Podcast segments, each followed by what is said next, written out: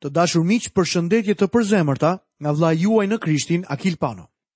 Ju uroj mirëseardhje në emisionin e sotëm, emision i cili do të na mundësojë studimin e fjalës së Perëndisë në librin e gjyqtarëve. Lutja ime është që Perëndia të derdhë mbi ju frymën e diturisë dhe të zbulesës dhe t'ju japë kuptim ndërsa së bashku do studiojmë fjalën e tij të gjallë. Sot do ta fillojmë studimin tonë nga kapitulli i 12 i librit të gjyqtarëve dhe menjëherë pa u vonuar do të lexojmë nga vargu i parë deri në vargun e tretë. Njerëzit e Efraimit u mblodhën, kaluan në Cafon dhe i thanë Jefteut: Pse shkove të luftosh kundër bijve të Amonit dhe nuk na thirre të vinim bashkë me ty? Ne do t'i vëmë zjarrin shtëpisë sate bashkë me ty brenda. Jefteu iu përgjigj atyre, Unë dhe populli im kemi pasur një grindje të madhe me bijtë e Amonit dhe kur ju kërkova ndihmë, nuk më liruat nga duart e tyre. Kështu duke parë se nuk më vinit në ndihmë, vura në rrezik jetën time dhe marshova kundër bijve të Amonit dhe Zoti m'i dha në duart e mia. Pse pra jeni ngritur sot kundër meje për të më luftuar? Ne pamë se burrat e Efraimit u zunë edhe me Gideonin tek kapitulli 8 vargu i parë, kur nuk i ftoi për ta ndihmuar për të shpartalluar madianitët. Në mënyrë armiqësore ata i kërkojnë Jefteut t'u japë një arsye pse nuk i thirri për ndihmë në betejë. Xhelozia e Efraimit ishte një infeksion i vërtetë që çoi në disfatë. Më vonë kur mbretëria ndahet në veri dhe jug, do të shihni që Efraimi ndodhet në qendër të rebelimit dhe kjo erdhi për shkak të xhelozisë së tyre. Në kishën e sotme ka xhelozi. Ky është një nga problemet tona më të mëdha. Tek Filipianët kapitulli 2 dhe vargu i 3, apostulli Pal tha: Mos bëni asgjë për rivalitet, as për mendjemadhësi, por me përulësi secili ta çmojë tjetrin më shumë se vetveten. Rivaliteti dhe mendjemadhësia mund të jenë krenaria dhe lakmia. Këto janë dy gjëra që shkaktojnë probleme në kishën e sotme. Kur dëgjoj një person në kishë që ankohet se gjërat nuk po shkojnë ashtu siç mendon ai se duhet të ishin, pyes veten nëse është xheloz për këtë. Kur shoh dikë që kundërshton predikuesin gjatë gjithë kohës, dyshoj se mbrapa kësaj fshihet xhelozia. Xhelozia ishte problem në atë kohë. Jefteu duhet të mbronte veten. Burrat e Efraimit do të digjnin shtëpinë e tij bashkë me të. Lexojmë vargjet 4 deri në vargun e 6. Pastaj Jefteu mblodhi tërë njerëzit e Galadit dhe u ndesh me Efraimin dhe njerëzit e Galadit e mundën Efraimin Sepse këta thonin, Ju galaditët jeni ikanakë të Efraimit në mes të Efraimit dhe në mes të Manasit. Njerëzit e Galadit zunë vatë e Jordanit para se të arrinin ata të Efraimit. Kështu kur ndonjë nga ikanakët e Efraimit thoshte, më lini të kaloj, njerëzit e Galadit e pyesnin, a je ti një Efraimit? Në rast se përgjigjej jo, galaditët i thonin, atëherë thuaj shiboleth. Në rast se ai thoshte shiboleth, sepse nuk mund ta shqiptonte si duhet, e kapnin dhe e vrisnin pranë vaut të Jordanit. Në atë kohë u vranë në këtë mënyrë 42.000 njerëz të Efraimit. Galaditët patën sukses në mundjen e Efraimitëve. Ata e zunë anën e Jordanit, kështu që Efraimitët nuk kishin nga t'ia mbathnin. Pastaj zgjodhën një fjalëkalim që do të ishte i vështirë për t'u shqiptuar sepse përmbante një bashkëtingëllore që nuk ishte në dialektin e Efraimit. Fjala ishte shiboleth. Nëse theksi i një personi nuk ishte i duhuri kur shqiptonte këtë fjalë, e kishte punën pisk. Ndonjëherë është e vështirë për ne të shqiptojmë disa fjalë. Shiboleth ishte një fjalë e vështirë për efraimitët sepse nuk mund ta shqiptonin h-në. Vargu i shtatë. Jefteu ushtroi funksionin e gjyqtarit 6 vjet me radhë, pastaj Jefteu Galaditi vdiq dhe u varros në një nga qytetet e Galadit. Vdekja e Jefteut mbylli 6 vitet plot ngjarje. Tani le të shohim Ibtsanin, gjyqtarin e dhjetë. Tre gjyqtarë në vijim ishin në fakt një zero me bisht. Ata nuk bënë asgjë. Ata në fakt bënë diçka, por nuk e gjykuan Izraelin si duhet ta kishin bërë. Lexojmë vargun 8 deri në vargun e 10. Mbas tij gjyqtar i Izraelit u bë Ibtsani nga Betlemi. Ai pati 30 bij, martoi 30 bijat e tij dhe solli nga jashtë 30 vajza për bijtë e tij, qe gjyqtar i Izraelit 7 vjet me radhë. Pastaj Ibtsani vdiq dhe u varros në Betlem. Ky gjyqtar ishte nga Betlehemi. Betlehemi ishte një nga qytetet e Judës në jug. Ibtsani kishte 30 bij dhe 30 bija. Mendoj që i është dashur shumë punë për t'u gjetur burra vajzave të tij. Gjatë 7 viteve që ishte gjyqtar, nuk pati kohë për t'u gjetur burra vajzave të tij. Nuk pati kohë as për të gjykuar Izraelin. Me fjalë të tjera, Ibtsani ishte një njeri që ia përkushtoi gjithë kohën e tij familjes. Nuk ka asgjë të gabuar me këtë, por nuk ishte kjo ajo për të cilën ai u thirr në shërbesë. Në ditët e sotme flitet shumë për subjektin e përgjegjësisë. Njëherë dëgjova historinë e një predikuesi që ishte duke shkuar në një takim, por djali i tij i vogël donte të fliste me të. Kështu që predikuesi u ul për të folur me të birin dhe e humbi takimin e tij. Shumë njerëz e duartrokitën për këtë gjë. Ti mund t'i tregosh dashuri fëmijës tënd edhe pa e humbur takimin. Ka një kohë ku disa gjëra duhen të vihen të parat. Unë mendoj se ai do t'i kishte shërbyer më mirë djalit nëse do t'i kishte thënë. Babi yt ka një takim pune dhe ky është i rëndësishëm. Ti nuk do të doje që babi yt ta humbiste takimin apo jo? Mendoj se djali i vogël do ta kishte kuptuar. Në këtë mënyrë babai mund të kishte vazhduar. Kur të kthehem, ne mund të flasim më gjatë për këtë. Kjo ndoshta do të kishte bërë më shumë për djalin se sa ajo çfarë bëri babai. Ndoshta mund të dukemi disi jashtë mode, por nuk e miratoj veprimet e gjyqtarit Ibtsan. Ai nuk bëri asgjë. Ai është një pamje e mediokritetit. Lexojmë nga vargu 11 dhe i 12. Mbas tij gjyqtar i Izraelit u bë Eloni, Zabuloniti; qe gjyqtar i Izraelit 10 vjet me radhë. Pastaj Eloni, Zabuloniti, vdiq dhe e varrosën në Ajalon, në vendin e Zabulonit. Këto dy vargje na tregojnë gjithçka për Elonin. Ai nuk bëri asgjë, madje nuk pati asnjë familje të madhe. Do të lexojmë vargjet 13 deri 15. Mbas tij qe gjyqtar i Izraelit, Abdoni, bir i Hilelit, Pirathoniti. Ai pati 40 bij dhe 30 nipa, që u hipnin shtatëdhjetë gomarëve të vegjël. Ai qe gjyqtar i Izraelit tetë vjet me radhë. Pastaj Abdoni, biri i Hilelit, Pirathoniti, vdiq dhe e varrosën në Pirathon, në vendin e Efraimit në krahinën malore të Amalekut. Abdoni nuk bëri gjë tjetër nga Jairi. Ashtu siç e pamë në kapitullin e 10, Jairi kishte 30 djem, por Abdoni kishte 40 bij dhe 30 nipër. Duhet të ketë qenë një pamje madhështore të shihje këtë njeri me bijtë dhe nipërit e tij. Ata i quanin gomarët laureshat e shkretëtirës, sepse pëllisnin me të vërtetë shumë. Mendoni për gjithë këta gomarë që pëllisnin. Ja se çfarë bëri Abdoni, dhe kjo nuk është shumë miqtë e mi.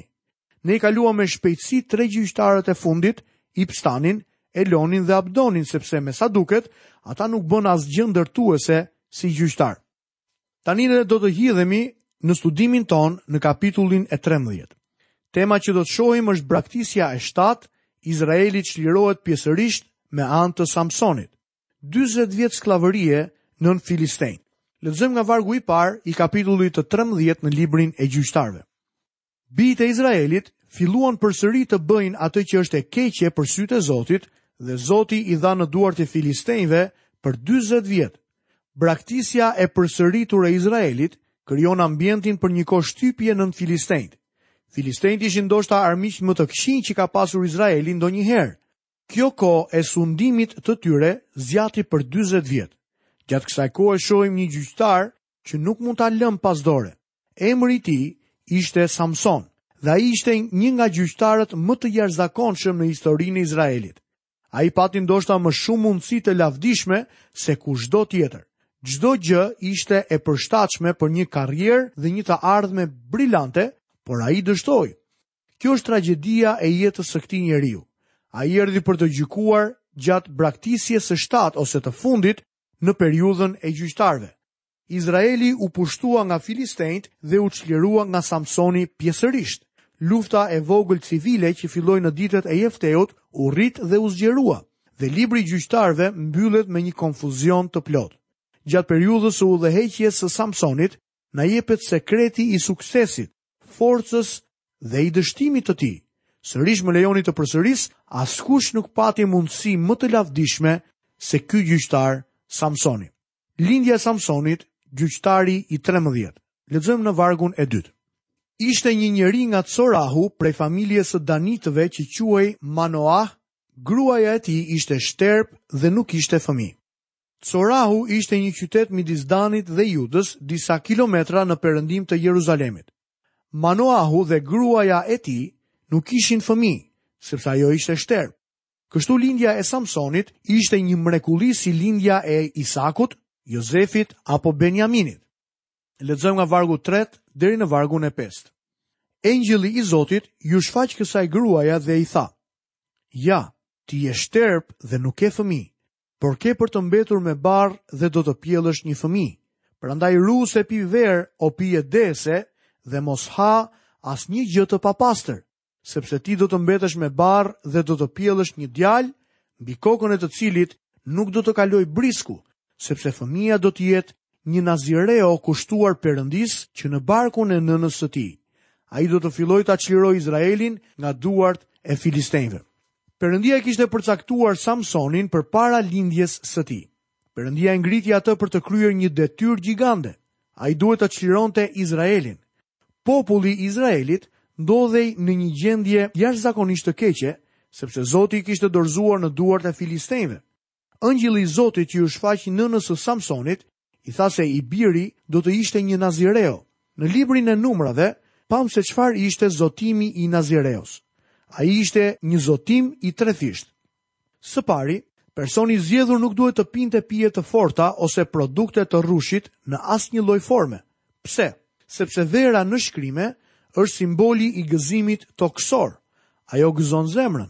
Ndërsa një nazireo duhej të gjente gëzimin e tij në Zotin. Efesianët 5:18 thotë: "Dhe mos u dehni me verë në të cilën ka shthurje, por mbushuni me frymë." Nëse duam ta kënaqim Krishtin, duhet gjithashtu të gjejmë gëzimin tonë në të. Në fakt, gëzimi është një fryt i shpirtit të shenjtë. Te Galatasit 5, 22 dhe 23, apostulli Pal rendit frutat e frymës. Por fruti i frymës është dashuria, gëzimi, paqja, durimi, mirëdashja, mirësia, besimi, zemërbutësia, vetëkontrolli. Kundër këtyre nuk ka ligj. Gëzimi është një nga frytet që fryma e shenjtë do të prodhojë në jetën tonë. Një nazir nuk duhet t'i priste flokët e tij. Çfarë do të thotë kjo? Tek letra e parë e Korintasve 11 dhe vargu i 14, apostulli Pal na thotë: Po vetë natyra nuk ju mëson se në qoftë se një burrë i mban flokë të gjata, kjo është çnderim për të. Shkrimi thotë se floku i gjatë është çnderim për një burrë. Gjithsesi një nazireo apo nazir duhet të ishte i gatshëm të mbante turpin e flokëve të gjatë. Kjo ishte arsyeja pse brisku nuk duhet të prekte kokën e tij. Së treti, ai nuk duhet t'i afrohej trupit të një të vdekuri. Ai nuk duhet të kishte pretendime natyrore. Ai duhet të vendoste Zotin të parin mbi marrëdhëniet e tij me të afërmin.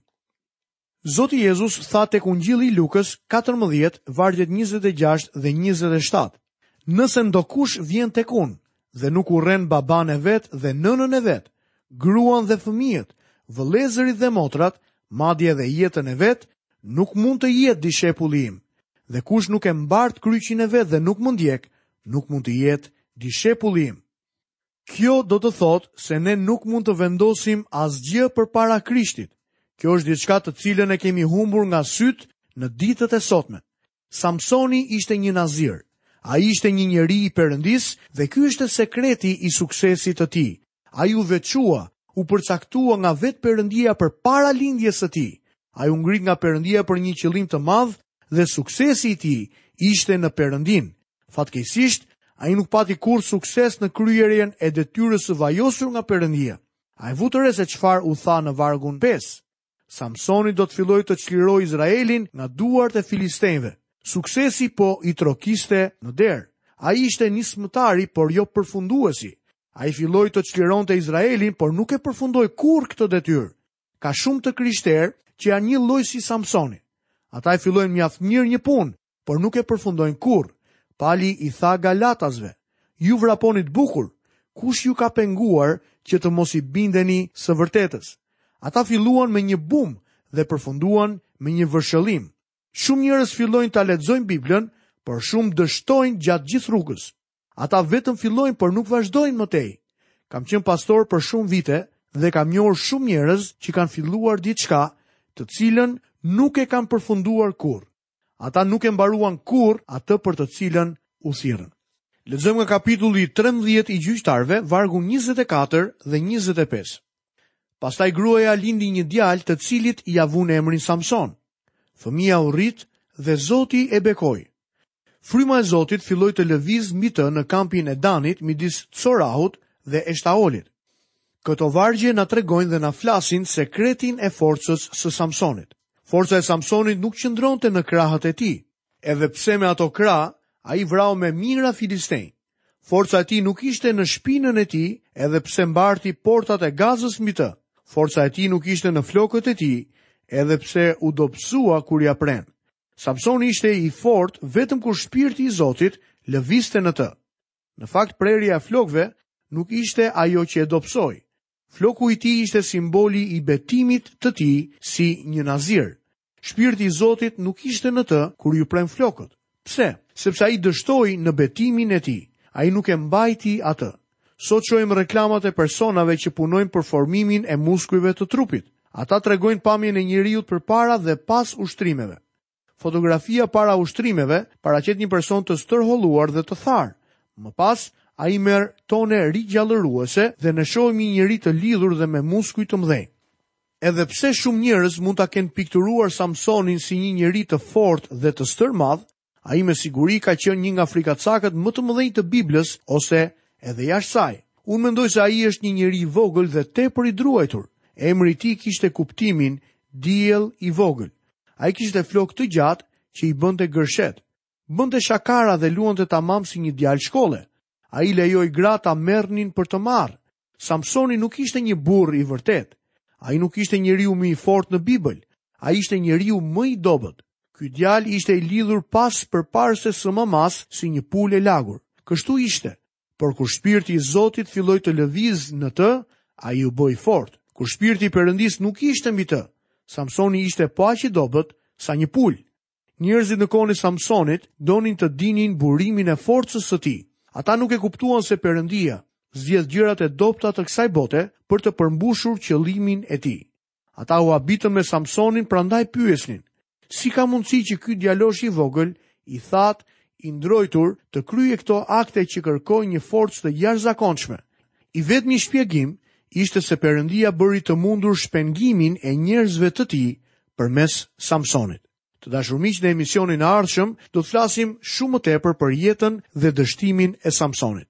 Deri atëherë nga vëllai juaj në Krishtin Akil Pano, paçi të gjitha bekimet e Perëndisë dhe paqen e tij në jetën tuaj. Bashkë mirudëgjofshim në emisionin e ardhshëm.